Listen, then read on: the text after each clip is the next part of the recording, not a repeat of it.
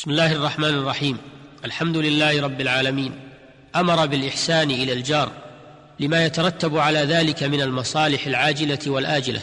وصلى الله وسلم على نبينا محمد وعلى آله وأصحابه ومن تمسك بسنته إلى يوم الدين.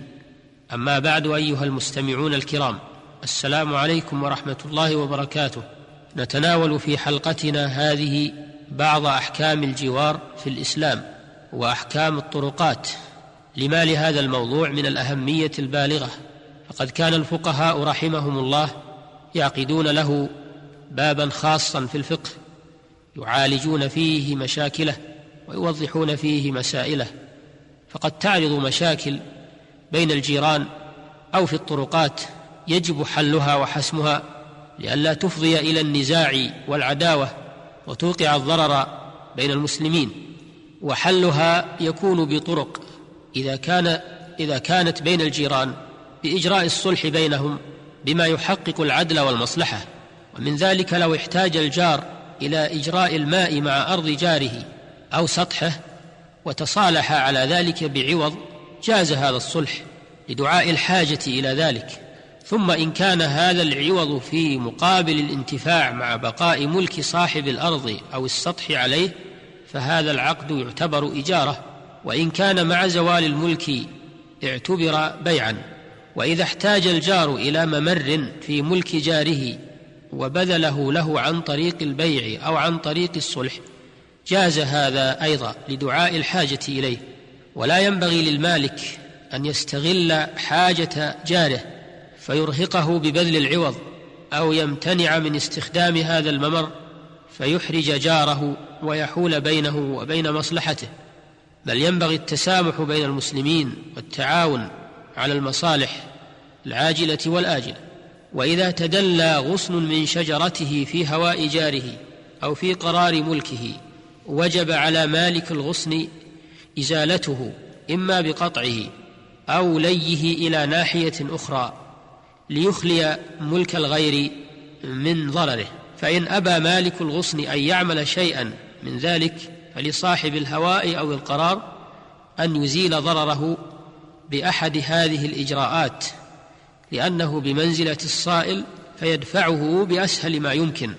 وإن تصالح على بقاء الغصن جاز ذلك سواء كان بعوض على الصحيح من قولي العلماء أو على أن ثمرته بينهما.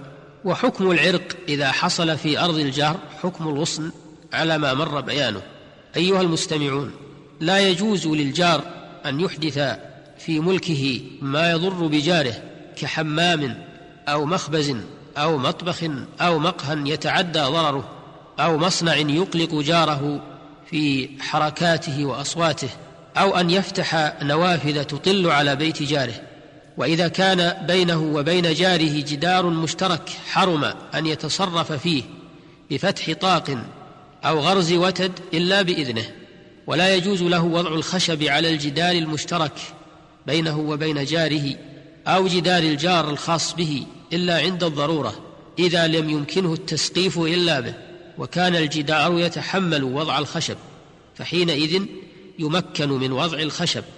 لحديث أبي هريرة رضي الله عنه يرفعه إلى النبي صلى الله عليه وسلم قال لا يمنعن جار جاره أن يضع خشبه على جداره.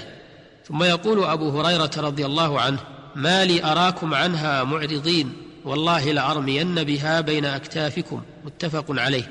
فدل هذا الحديث الشريف على أنه لا يجوز للجار أن يمنع جاره من وضع الخشب على جداره وإن أبى أجبره الحاكم لأنه حق ثابت لجاره بحكم الجوار. أيها المستمع الكريم هذا بعض ما يتعلق بالجوار من أحكام وما يجري فيها من صلح. أما ما يتعلق بالطرقات فلا يجوز مضايقة المسلمين في طرقاتهم بل يجب إفساح الطريق وإخلاؤه من العوائق والعراقيل وإماطة الأذى عنه لأن إماطة الأذى عن الطريق من الإيمان كما أخبر بذلك النبي صلى الله عليه وسلم. ولا يجوز أن يحدث في ملكه ما يضايق الطريق كأن يبني فوق الطرق سقفا. يمنع مرور الركبان والأحمال أو يبني دكة عند بابه للجلوس عليها ونحو ذلك لأن ذلك يضايق الطريق ويؤذي المارة ولا يجوز له أن يتخذ موقفا لدابته أو سيارته بطريق المارة لأن ذلك يضيق الطريق أو يسبب الحوادث. قال شيخ الإسلام ابن تيمية رحمه الله لا يجوز لأحد أن يخرج شيئا في طريق المسلمين من أنواع أجزاء البناء حتى إنه ينهى عن تجصيص الحائط إلا أن يدخل إلا أن يدخل رب الحائط في حده بقدر غلظ الجص. انتهى.